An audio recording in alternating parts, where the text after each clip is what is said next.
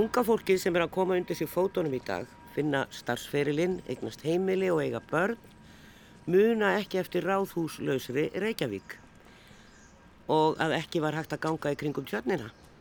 Muna ekki eftir Hallarísplaninu, Fjalarkettinum og Grjótaþorpi í niðuníslu. Þau muna ekki bílastæði og akstur í kringum Östuvöll. Með deiliskipulagin árið 1986 breytist margt í kvosinni í Reykjavík og í dag finnst fólki þetta alltaf hafa verið svona. Gunni Pálsson og Dagni Helgadóttir arkitektar unnu þetta skipula á sínum tíma. Í ljósi breytinga í borgin í dag ætlum við að rýna aðeins í þetta skipula og skoða hverju var breytt í gamla bænum og hverju var hend úr þessu skipulagi. Því eins og alltaf gengur ekki allt upp. Hér í stúdiói setja Hilmar Þór Björnsson og Pál Hjaldarsson arkitektar en við skulum byrja með Pétri Ármannsenni arkitekt í Kirkjukóli í Reykjavík. Já, það er sundur sagt að það sé hafi ekkert gerst í Reykjavík í mörg, mörg, mörg ára og það er heilmikið að gerast núna. En það má nú svo sem segja að Reykjavík drappaðist aldrei niður svona frá 70, jafnvel eitthvað aðeins fyrr og upp úr fram að eh, nýju skipulagi árið 1986 þá var tekið svolítið til hendinni hér í kvosinni. Og eh, kom nýtt skipulag og svona ymsu var breytt og það er svolítið gaman að horfa aftur og bak, þetta eru rúm 30 ár síðan og að, að skoða hvernig þetta hefur þróast og hvað var nú notað að þessu skipulagi og hvað, hverju var hend, hvað var vittleisa og hvað hefur virkilega nýst okkur. Pétur Ármannsson, arkitektur með mér, við erum búin að koma okkur fyrir hérna við Dómkirkjuna í kirkjukóli og hér var náttúrulega sko allt, allt öðru þessu umhorfs á, á þeim árum þegar þetta skipulagi gert Gangstjættar í Reykjavík voru yfirleitt allar mjög brotnar og illa farnar. E, já, það voru bílastæði, það voru auðsvæði. Ingólstorg var náttúrulega ekki komið, þar var bara steindósplanið og hallarísplanið og mörg af gömlu húsunum litu illa út, 86. En það gerist ímislegt þarna nákvæmlega þarna því að þarna er ráðhúsið að hefjast, eða bygging þess að hefjast friðin og grjótaþorpinu og, og torfunni. Þannig að það var svona doldi umskipti. Það var komin kannski ný kynnslóð, ég veit ekki það voru venduna sinnar mætti til leiks. Skipilegðin hefðu verið þannig að það áttu bara að rýfa allt og það voru reyndar gefið leiði til niðurins á gamla NASA eða Sigtúni eða Kvenna skólanum eins og hann hér nú hér við Östufall en það er ímislegt sem breyttist og meðal annars hér í þessu umhverfi bara hérna við kirkjuna Hér var gardur sem var hér kvennfélagsgarðurinn og máttu ekki trópla við. Nei, það má segja að eh, svona áþreifanlegasta breytingin eða minningin um, um þetta skipulag er kannski bara gólfið eða yfirgatna yfirborðið hérna í kosinni.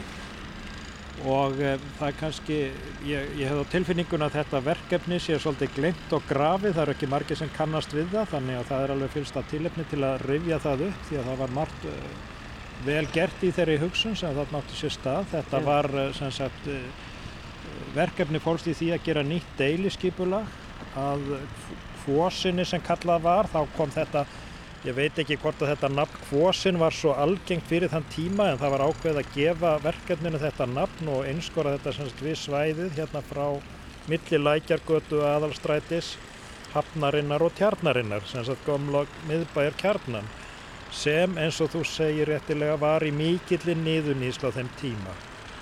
Sko það höfðu náttúrulega verið áform alveg frá því 1927 að í rauninni eh, rýfa öll gamlu húsin sem voru á þessu svæði, öll timburhús átt að víkja og það átt að koma svona samfelldar raðir af húsum svona í andahótel borgar og af þeirri starðagráðu allar meðfram öllum götum meðal annars yfir Víkurgarðin eða skúlagarðin, það var nú bara ekkert eftir af honum eða sangvað þeir skipulagi. Og svo er þannig að þarna örðu til svona byggingar heimildir sem að síðan var að vera svona smá saman að nýta eftir því sem leið á öldina, það voru svo komu ennþá stórkarlalegri hugmyndir á strísárunum og, og líka svona eftir 1960 morgunbladshúsið er svona minningu um það tíma Nú eh, síðan um, um og eftir 1970 þá kemur hérna ný kynnslóð með annað gildismat og uppsprettur húsvendar reyfing sem fyrir að berjast fyrir Bernhöfstorfu og Vendun og Grjótaþorpi. Og þetta fyrir að hafa sín áhrif hérna í miðbænum þó að hann hafi kannski ekki verið alveg á þessu viðkvamasta svæði. Hann var ekki beint, menn voru ekki kannski að slást um einstak hús hérna, það var meira svona þessi tvö svæði hérna í jæðrinum en eftir, borg, eftir borgarstjórnarskipti 1982 þá verður til, þá byrjar þetta verkefni og það eru tveir uh, ungir arkitektar á þeim tíma, Dagni Helgadóttir og Guðni Pálsson sem að fengu þetta verkefni að skoða þessa, svæði og koma með nýjar hugmyndir.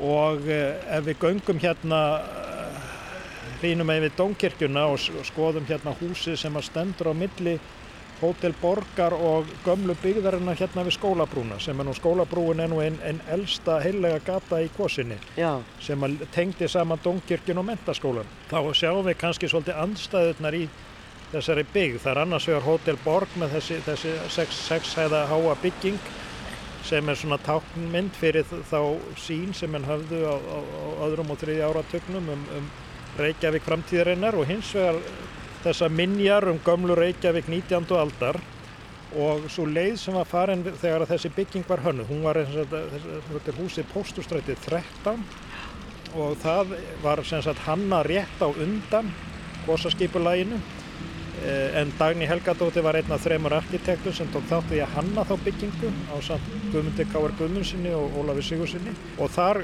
hvað við daldi nýjan tón sem sagt reynd að innleiða svona nýja gerða húsi sem að í form, að formi til tók svolítið meira tilliti gömlu byggðarinnar en svona samféldu húsaræðirnar. Þetta voru stök hús sem var brotið upp, það var með háu bröttu rísi, Já. líkt á gömlu húsin og síðan var svona í, í hæð þess og þakformi var svona leitast við að sætta þessar andstæður, milli annars vegar háuhúsana, háu steinhúsana og láreistu byggðarinnar sem eftir var.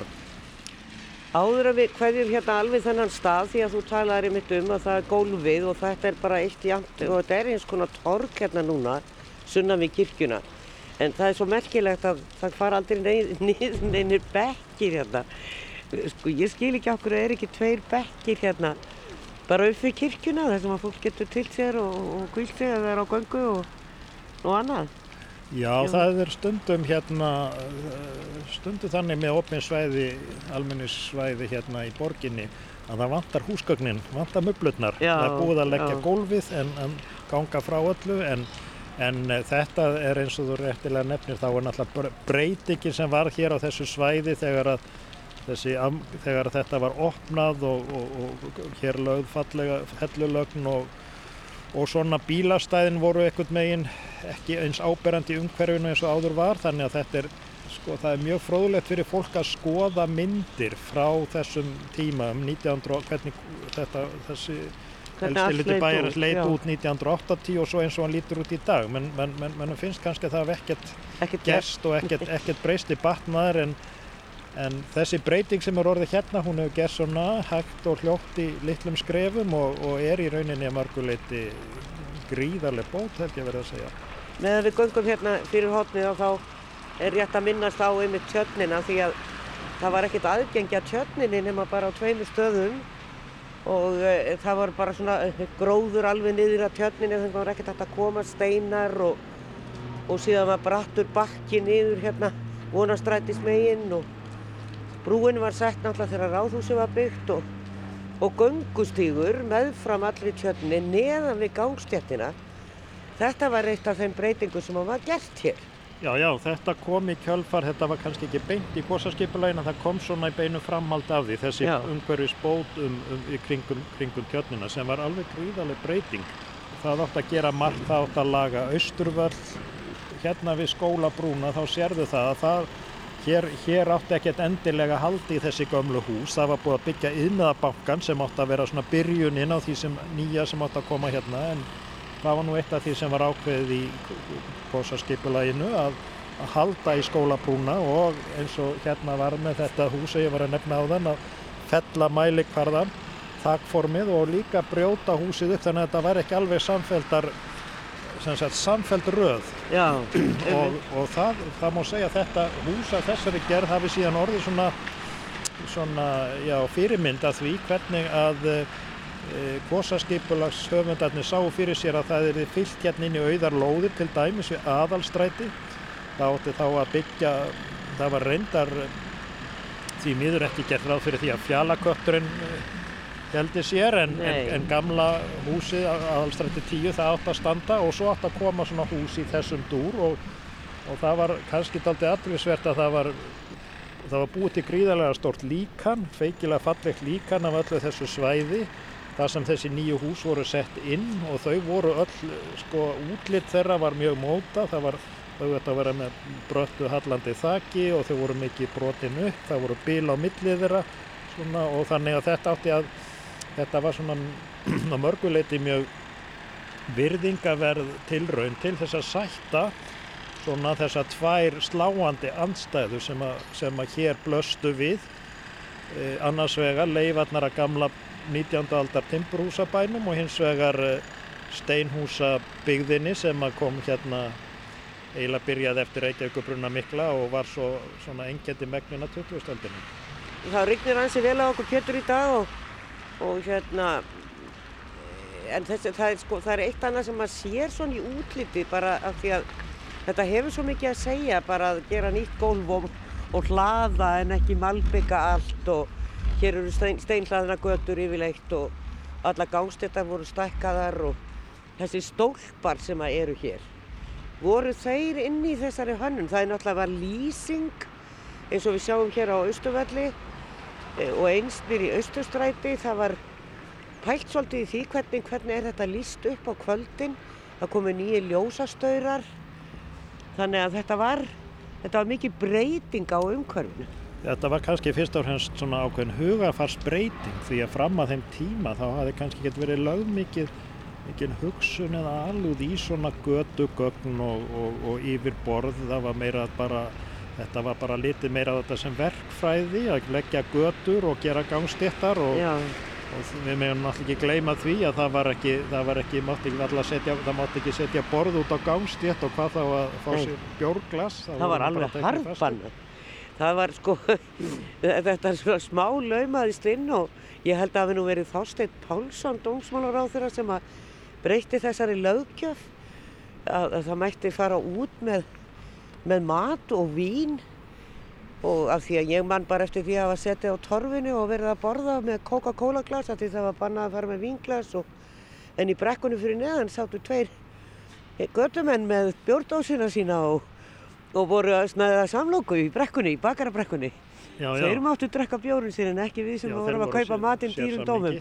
Já, nákvæmlega. En, en eitt af því, það var nú kannski ekki, sko, ég menna það var margt sem að þau Dagni og Guðni voru að berjast fyrir og meðal annars það að húsaröðin hérna við milli austurstrætis og austurvallar að þar yrði sagt, húsnæðinu breytt þannig að húsin hefðu sagt opnar hlýðar í báðar áttir. Og, og það var náttúrulega þá sem þau sáu fyrir sig að var að þessi, þessi blettur hérna það sem að heitir nú vist Vallarstræti var þá bara bílagata með bílastæðum Þetta voru allt bílastæði hér, allt í kringum Allar í kringum Östurvöld voru bílar og bílastæði Og ruslaport. Og ruslaport þarna á milli það sem að núna er opið í gegn yfir á Ingolstorg og og húslíðarnar alveg dauðar. Húsin við Östurvell þau snýru bara baklíðunum að Östurvelli og þetta eins og hefur náttúrulega sannast síðar að þetta er einhver sólríkast og fallegasti staður í miðbænum. Já. þegar að það, þegar að lásins fjækst eh, það leiði að taka bíluna burt og, og búa hér til sem eh, sagt eh, svona útisvæði í, í, í sól og skjól skjóli Við kvílum með Pétur Ármannsson um stund og heilsum upp á Pál Hjaltarsson og Hilmar Þór Björnsson, arkitekta. Pál var formaður um hverfis og skipilarsráðs, já, hér í Reykjavík um tíma og Hilmar Þór hefur haldið út í bloggi um arkitektúr á eiginni. Velkomnir. Takk. Takk. E, Pétur tala mikið um bara götumyndina gólfið eins og hann kallar það bara, ja. e, gólfið í götunni. Og þetta breytir náttúrulega rosalega miklu hann í kringum kirkinu og þar sem þetta hefur verið gert og Það er nú verið að ræða þetta mikið í sambandi við lögavegin og annað. Hversu áriðandi er þetta þannig að bara, eh, sko, reyfiminstur fólks breytist?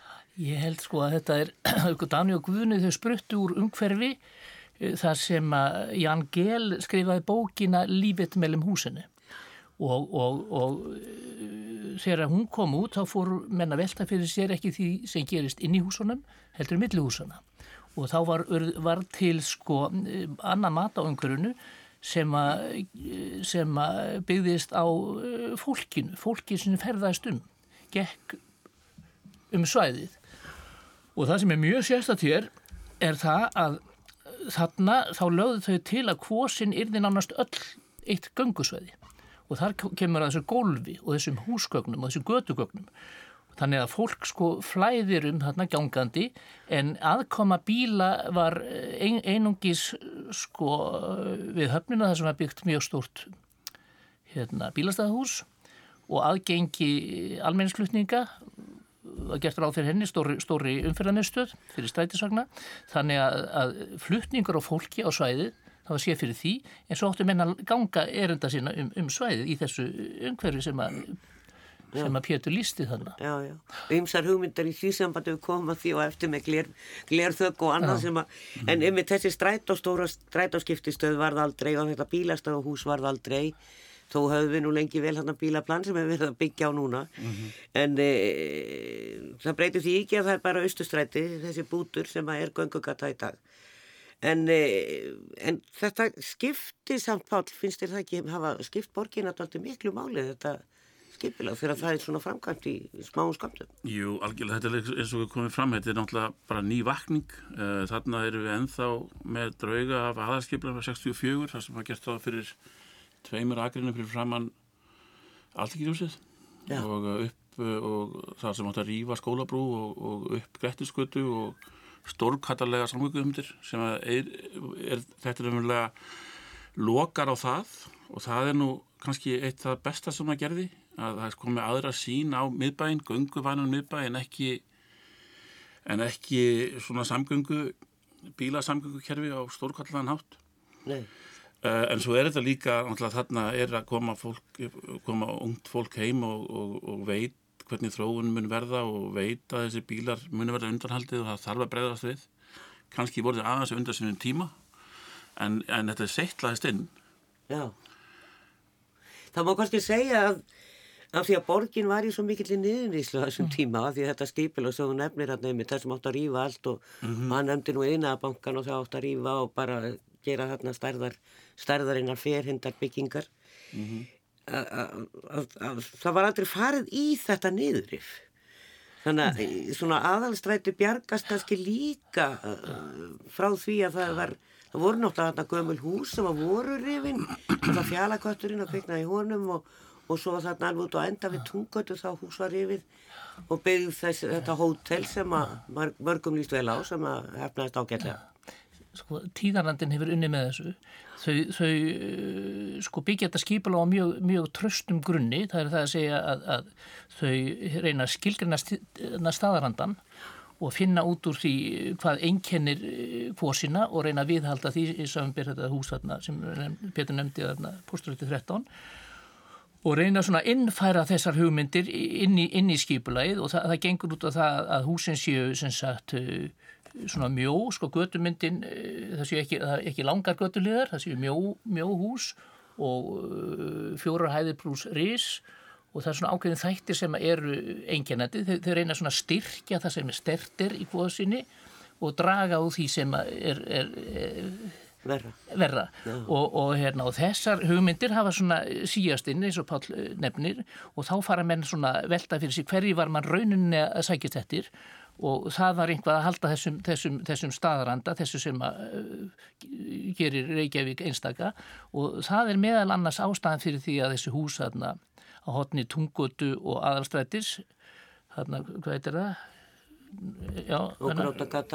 já, og grótagata og og, og, og, og þetta fjalakattar útlitt sem mm. voru vissilega umdilt og örða veruleika Já, já, það er margt sem var umdeilt meðal annars er ráðhúsu, það er að byggjast á þessum tíma. Já. og það stóð nú aldrei styrum það pál þegar átt að setja það nýri tjarnina. Og, og voru mikil mótlæti, mótmæli hérna í borginni og, og, og fólki fannst þetta verið svo braggi og það verið ljótt og núna mann engin eftir, eftir þessum stað nema einn með þessu rá, ráðhúsi með torginu innandýra Og það gerist náttúrulega þarna rétt áður en þetta gerist, áður en þetta skipulag er komið inn. Líklega myndir ráðhúsið ekki vera samþygt í, í dag. Það var bara rifin hann að fínustu hús. Já, Og uh, svo lendir uh, alþykis uh, viðbyggingin, stækkunin svona inn í þessu tímabili þannig að, að hvort skipulag gerir ráð fyrir miklu meira niður yfir þar heldur raunin varð. Og það er engu húsið haldið eftir við kirkistæti hér sko, og þetta er samkvæmt vinnistillögunni á sínum tíma. Og það er aldrei áhugavert að því að þetta er ekki stíft friðunarskipulag.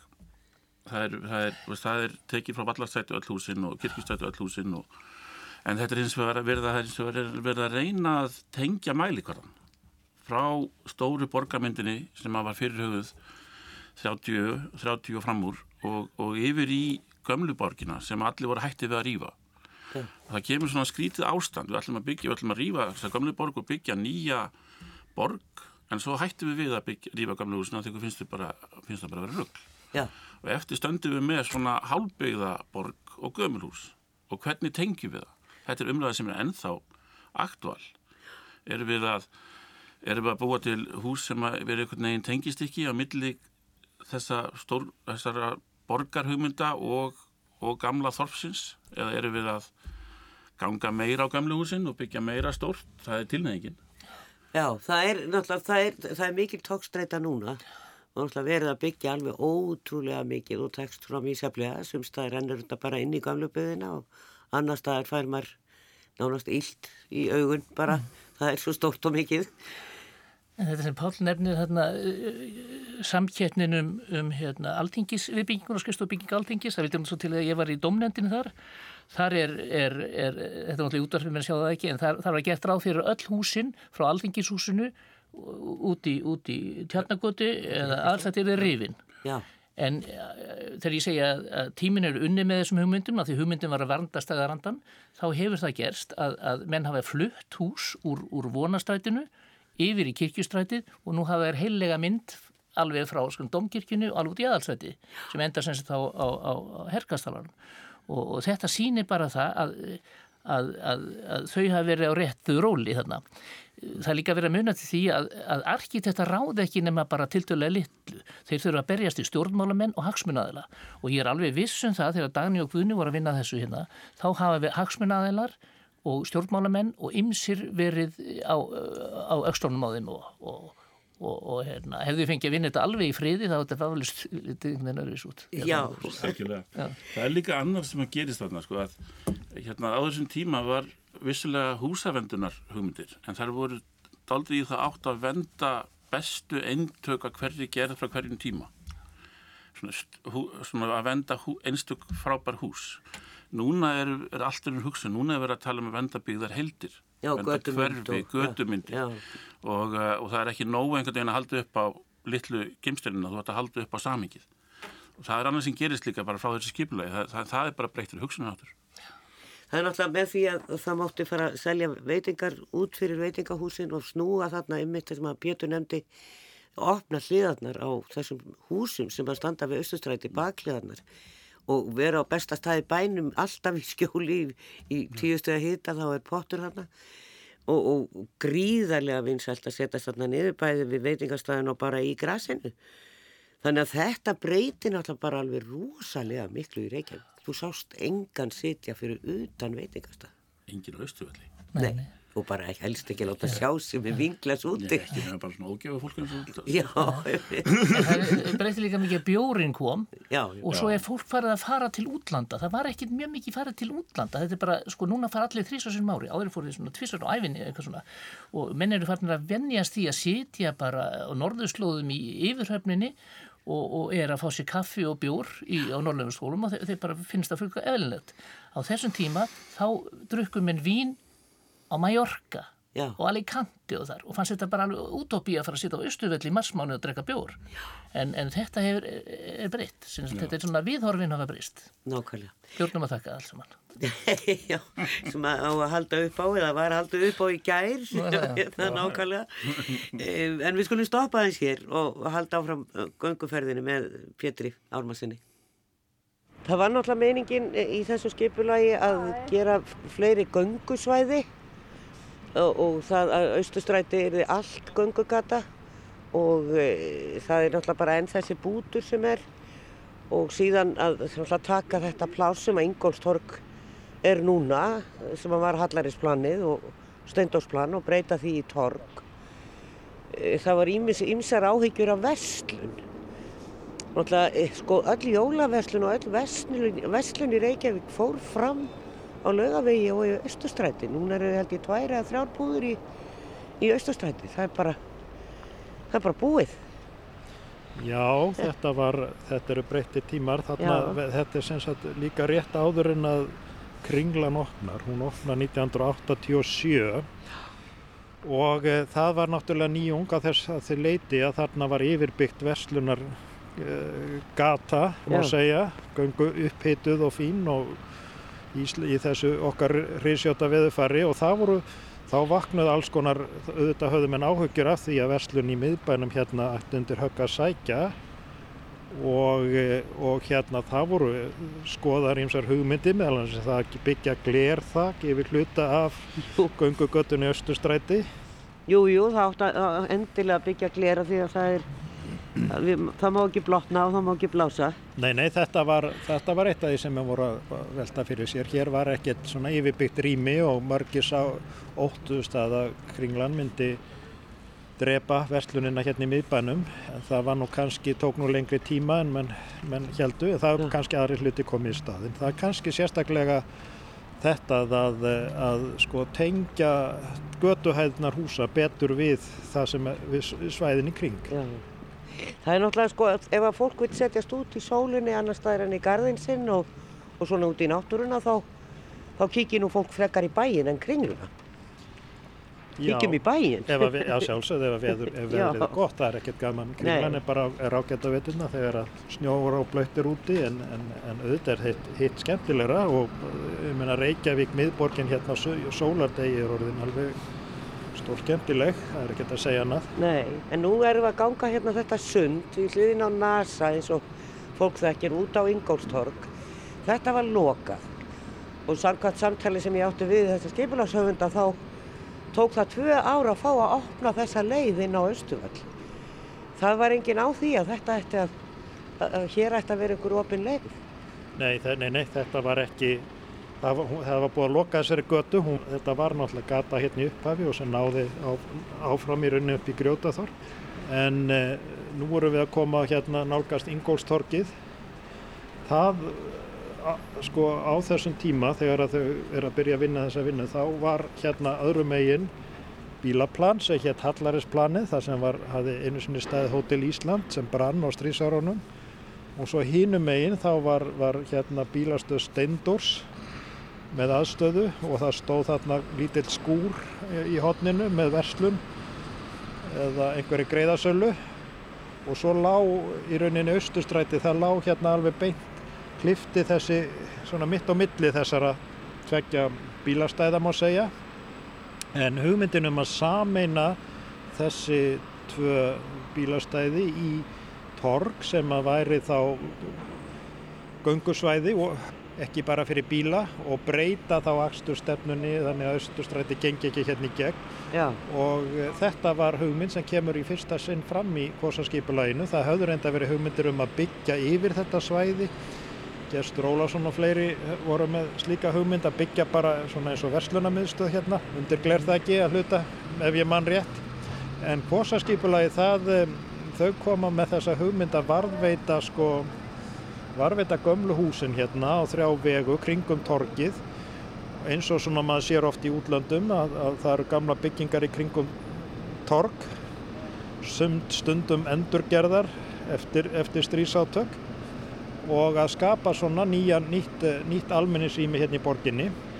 Síðan um, gerist það nú að sko útfærslan á þessu torgi, hún það var nú haldinn samkeppni og tekna svona ímsar ákvarðanir sem kannski voru ekki alveg til, til bótafallnar eins og það að gera þessi bílastæði hérna austanvert við þetta torg, það, það brýtur það svolítið frá húsunum sem er mitt hugmyndin með torg er náttúrulega alltaf að, að verslanirnar og vertingastæðinni tengist rýmunu fyrir, fyrir utan. En, en það var, sko, þetta voru náttúrulega, hér voru búðir og sjoppa hérna var þöll og, og, og mér skilst það á skipilagshöfundum að, að það hafi verið svo sterk krafa þeirra sem hér voru með verslun og fyrirtæki að það yrði að vera bílastæði, annars myndi þeir bara drepast. Já, já. En þeir eru allir farnir, en bílastæðin eru hérna. Já, já, Núna er já, þetta já. matselstaði. Menn höfðu, menn, höfðu- þetta var alveg nýtt, ný hugsun Já, og hugsun. Menn höfðu bara, menn óttuðist þetta mjög að missa bílastæðin og þessar rettir heyrast ennþá. Já, já. En það sem hefur tekist kannski, sko, það múr segja norður endi torgsins með þetta glæsilega fólkahús sem, að, sem að kom náttúrulega í ljós við torgið e, eða nýtur sín vel hérna, mætti kannski njóta sín ennþá betur ef það væri ekki þessir þessar sölu skálar hérna við norðurendan. Gástjættin við fálkahúsið, þar var lokað fyrir akstur fyrir nokkrum árum síðan og hefur, það er svona svolítið eins og vallastræti, það er á móti sól og í tiltölu góðu skjóli og það er einmitt svona, það er einmitt svona rétta svæði til þess að vera með, með hérna veitingastarfsemi sem að getur þá á sumrin eh, flætt út á gástjættina.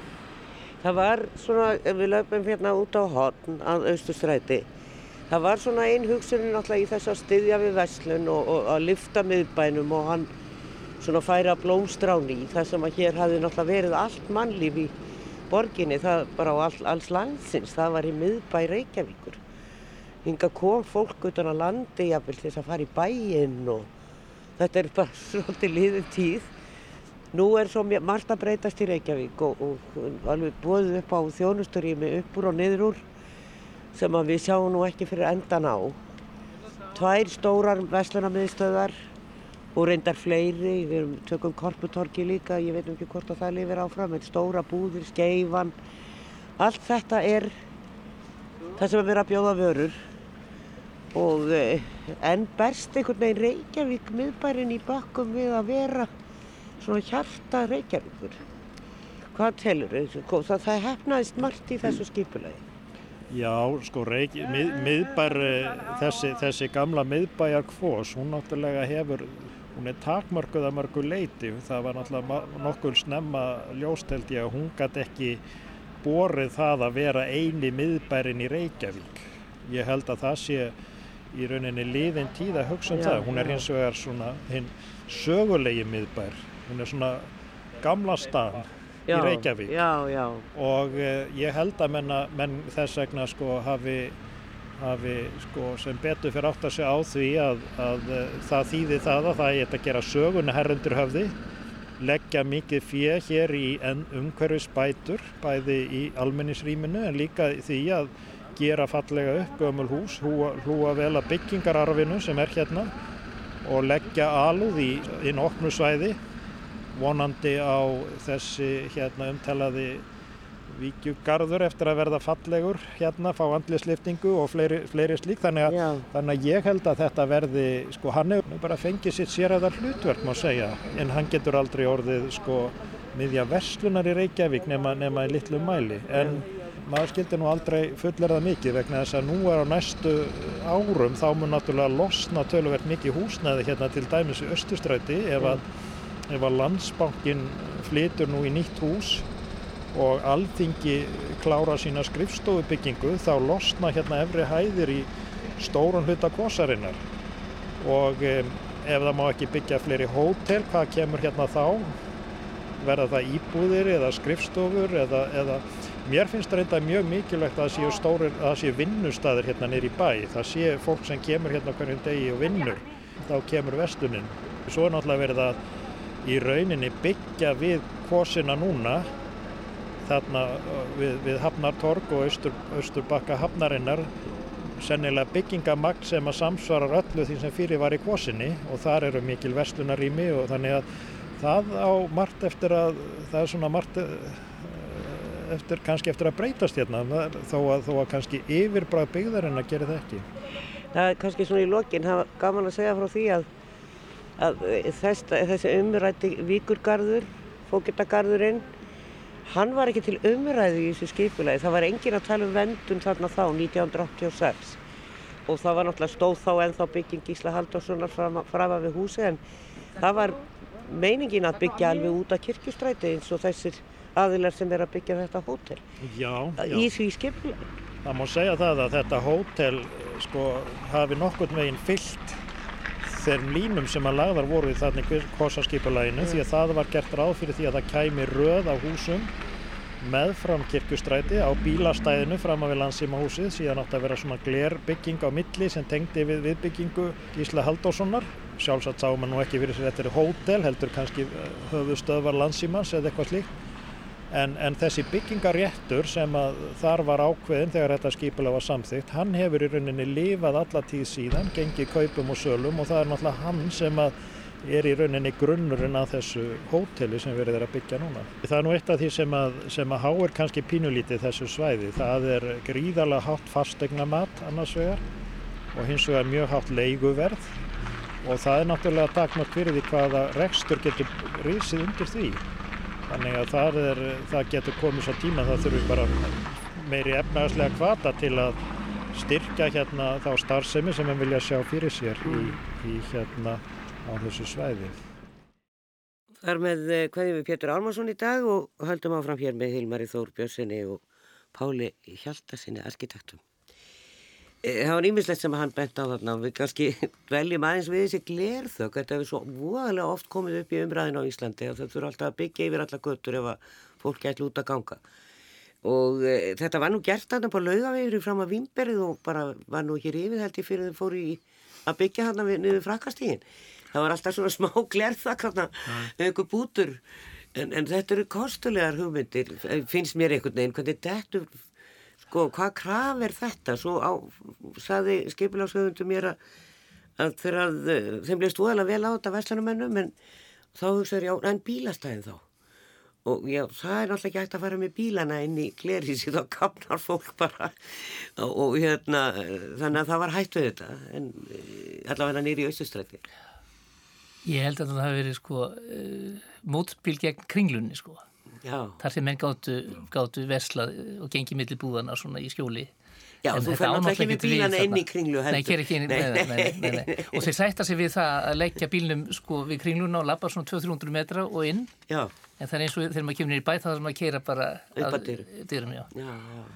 Þetta er skemmtilegt. En þetta varð aldrei. Sem betur fyrir segi ég nú bara. En það var annað sem ég tók eftir að Pétur var að nefna að, hérna, að eh, varandi íbúðir. Nú er það þannig að eh, Pál veita svolítið betur en ég, ég held að sé einhvað um það byrju þúsund hótelherbyggi sem er á dagskrá hérna. Það er nú uh, hérna, við Víkugarðin og Vonastræti og þetta eru þúsund hérna. Og, og ég man eftir því að... Og Marriott.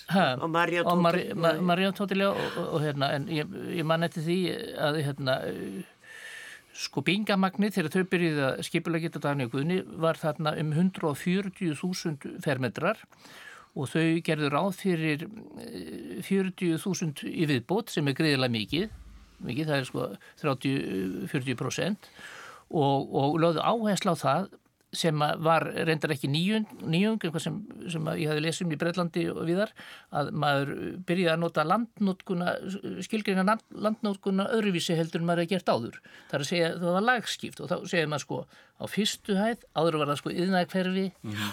veslunægferfi, íbúðferfi, en nú, nú átti að vera sko, þetta átti að vera sem sagt veslun og þjónusta á jarðhæð og svo skrifstofa á tveimhæðum og svo það upp úr íbúðir og það var gert til þess að þetta er ekki mannlífið væri sko heldist um helga líka þegar allir bankamenninni voru fannir heimti sín sem er í Garabæðið einhvert þá geti væri fólk á gödunum þetta er náttúrulega fyrir, fyrir túrismann, túrismann sko. mm -hmm. og þetta var nýjung í þessu þarna. Og, og, og, en það hefur ekki gengið eftir. Nei. ég held að sé og búið bara í þrem húsum þarna eitthvað Já þetta er náttúrulega postústrætið nummið 13 sem við töluðum um og, og, og hérna, en það er, ég, það ég held ekki einn einasti íbúi í Hafnastræti til dæmis, ég fann einn einhvern tíma þegar ég var að leita og, og það voru þrýri að fjóri krakkar að leia í Östustrætti við hotnið á já. Nú og svo er náttúrulega gamli markaðurinn. Já, já, gamli markað. já, svo ertu náttúrulega með grótaþorpið það er rétt fyrir Já, ofan. mar- já, já, já, Nei, þetta er ekki íbúðarsvæði, sko. Það, þetta er náttúrulega, það er, það, okkur, við vorum alltaf með það hugmynd að ástæðan fyrir því að við væri mikið úti var þegar það var á kallt. Og einlega ætla að fólk út væri að byggja yfir okkur úti. En það hefur einhvern veginn smásamar játtlað á okkur og við getum alveg verið úti núna þó að það sé ekki yttir lerþaki og, og það er fullt af góðum dögum eins og, eins og Östruvöllur sýnir Já. sem er fullt af fólki og hérna og borgin bara lifnar við. En, en þetta tímabil var svo það var svo erfið tímabil. Það var engin í kvosinni nei, það var bara, það var nú aðeins líf upp með laugaveginum en kvosin var bara mannlaus svæði. Já. Krakkar á kvöldinu á Hallarisplani já, En eh, hins vegar finnst mér, sko, að því að maður heyrir í veslanamönnum kvarta og þeir kvarta núna bæði yfir að er mögulega vera göngugata, þeir kvarta líka yfir ofhári leigu og ofháu fastegnabandi sem að Pétur myndist á þannig. Mm. Og það er náttúrulega, kemur til svolítið af því náttúrulega það er verið að byggja allt þetta, þetta nýja, öll þessi nýju hús og það bætist við veslunarými og annað einhvern veginn sem að vera og ég hugsa tilbaka þá finnst mér bara vestlunarmenn hafa alltaf átt á brattan að sækja nýri miðbæ. Einhverju, það er alltaf eitthvað sem að er að trubla já svona síðan 70 og eitthvað. Það hefði verið ágætt svona áður en kringlan kom og meðan bæri var ennþá svona hinn eina miðja. En, en síðan náttúrulega eina hótelið. Svo koma stóra hótelin, hótel Saga, hótel Loftliðir allt í hennu koma sinni niður í bæ og uh, en þetta er náttúrulega stjórnsýslu miðjan okkar. Já. og stjórnsýslu miðjan landsins. Það er svona fyrsta kannski fyrsta hlutverk hósarinnar en þetta er líka menningamidja, þetta er líka sögulegmiðja og þetta er, þetta er núna að verða ferðamiðja, ferðarþjónustimiðja Pétur talaði með þessi áriðandi þessi stóri vinnistæður í miðborginu þannig að þar sé fólk. E, Bankin náttúrulega fer ekki ekki landsbankin hann, e, ef allt gengur eftir þá flýst hann nú bara út í lækjagötu og þar verður þetta rosalega þessi mikla og þetta byggðu af stórum húsum og allt öðru í sér Reykjavík en þessi kvós sem við erum að tala um í dag e, er þið saman á því að það verða að vera stórir vinnustæðir í borginni? Já, ég, Ég held að sé meira bara spurning hvað sé margir vinnustæðir þessu ekki endilega stórir. Þannig að auðvitað- það er bara að það sé mikið að fólki að vinna þarna. Það getur verið fullt að meðanstólum fyrirtækjum. Það þarf ekki endilega að vera einhver fyrirtæki sem er 5.000 manns í vinnu. Það ekki skipta máli. Eða, eh, nei, nei, það er bara að sé, það séu vinnustæðir. Já, Já, og það mætti alveg koma fleiri íbúður líka. Já. það mætti alveg banda þeim meir, meir inn sem að hefur gengið illa. Kannski húsnaði landsbankans farin til íbúður það er aldrei að vita en, en, en hann talaði svolítið um Ingolstorg og, og það svona er það er ekki, það er, ég finn engar sem er alveg fullkomlega ánaði með Ingolstorg ég hef spurt marga.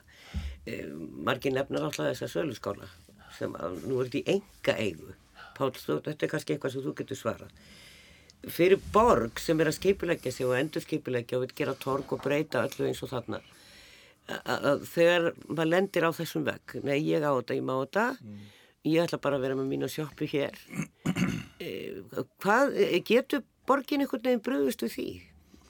Já, það þarf allavega mjög mikil vilja hjá borginin til þess að bæta þeim húsnæði sem eða að taka það af þeim.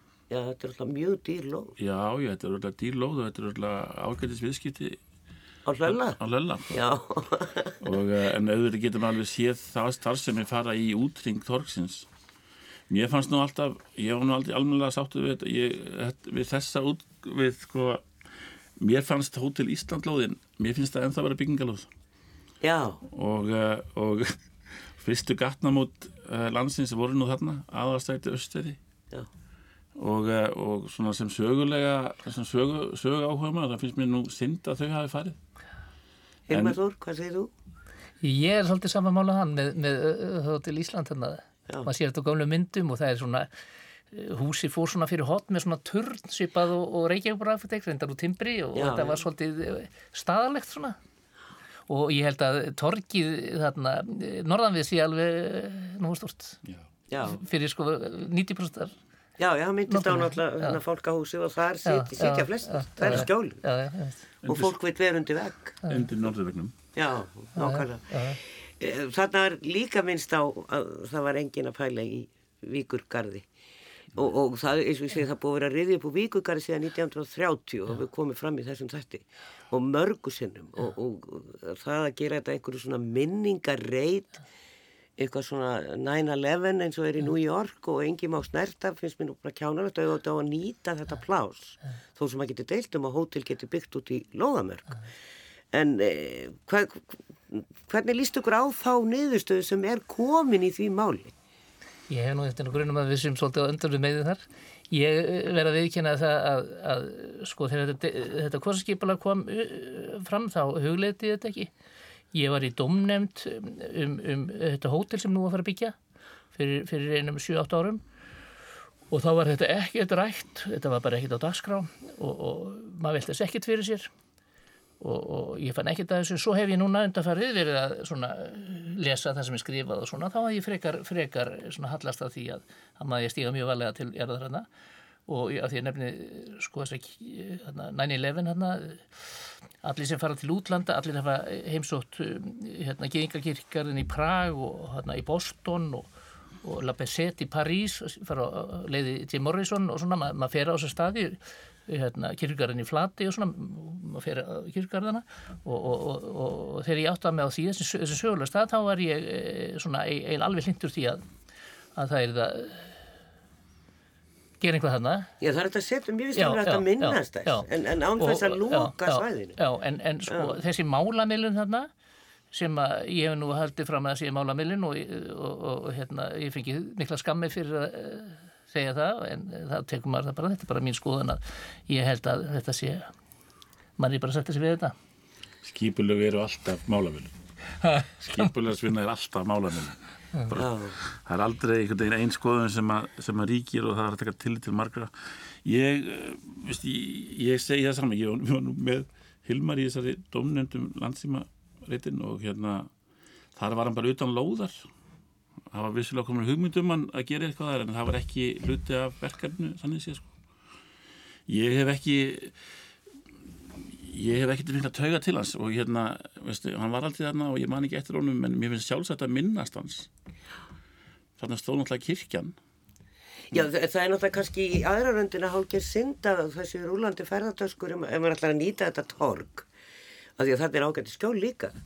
Og að, að þá séu bara þetta orðin stjættinn fyrir ingang og útgang fyrir hótelgæsti með að draga töskutin sínum.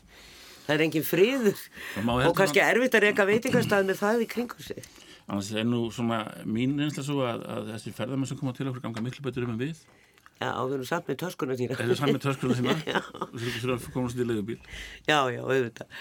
En, en það fá engar rútur að fara þarna, það vitum við allavega og fólk hafur eitthvað verið að hafa á því en, en það er bannað að fara með rútur þarna. Já. En e, svona, Björn bendi líka á þarna þegar landsbankin losnar og, og allir pólitíkusarnir fara á sínum skrifstofum. Þeir eru þarna með stærðarinnar skrifstofuhús, mm -hmm. til að nýtt eða uppgjert hús og, og það losnar alveg rosalega mikið af rýmið þarna fyrir utan allt það sem er að koma. Já, þúsundi fermetra. Já, hvernig verður borgin? Hvað tekur þetta langan tíma? Það er, það er mjög spennandi, sérstaklega það sem að hótelkvotin á að halda og það með ekki setja hótelbyggingar í, í þessi hús eða önnur hús í kosin heldur en þegar búið að ákveða. Þannig að, að það eru skrifstofur eða íbúðir. Mér finnst nú íbúðir geta verið bara fínt sko. Já. Það eru gott að fá meiri íbúðana, þeir fylgja spiltum með og það er alltaf vist öryggi að hafa einhver augu á, á gödunum sko, um að heima hana. Já. Og það er svona kannski það sem að ennþá vantar pílingtið í kvorsin, hún er aldrei frá vegna þess að það er, er ekki mikið fólk sem er að heima hana. Nei. En uh, þú var alltaf frábært að fá aðra vinnustæði. En uh, maður, þetta er bara svona, svo, svo, þetta er svo óvissu tímar. Þetta eru óvísi tíma. Já, er, er, er þenslan í ferðarfjónustunum búinn? Er við núna bara að gera það sem við erum búin að gera og vonandi laga það og gera það vel? Og hérna erum ekki að fara að byggja fyrir hótel eða er ennþá þörf á, á nýjum og betri hótelum? Það er bara einhvern veginn, það er út, útlöku að segja. Einmitt. Mér Það er verið að stutt til maður, já. Já, mér finnst þess að bankin eigi ekki að fara. Ég held að bankin eigi ekki eftir að stekka meira og hann, hann á frekar eftir að minka og, og, og hann eigi bara að vera þarna. og þá væri næra að nota eh, nýju eða tíðust fermetra þarna sem hann má byggja fyrir þá íbúðir í, á, á, á austuröfninni. Þannig bara vera. Hvaða vesen er þetta? Þetta er flottasta gata í bænum, flottasta hús og veitu, ég skilir þetta ekki alveg. Hann er út um allt. Hann er út um Hann allt. er út um allt. Hann er í öllu Ég veit að hann er hafnastrætinu. hafnastættinu, en hann fyrir minkandi, Já, vonandi. Við vitum það ekki. Nei. Við vitum ekki eins og Áhugaverð hvort hann verður seldur. Hilmar Þór Björnsson og Pál Hjaltarsson, arkitektar, þakka okkur kærlega fyrir. takk fyrir.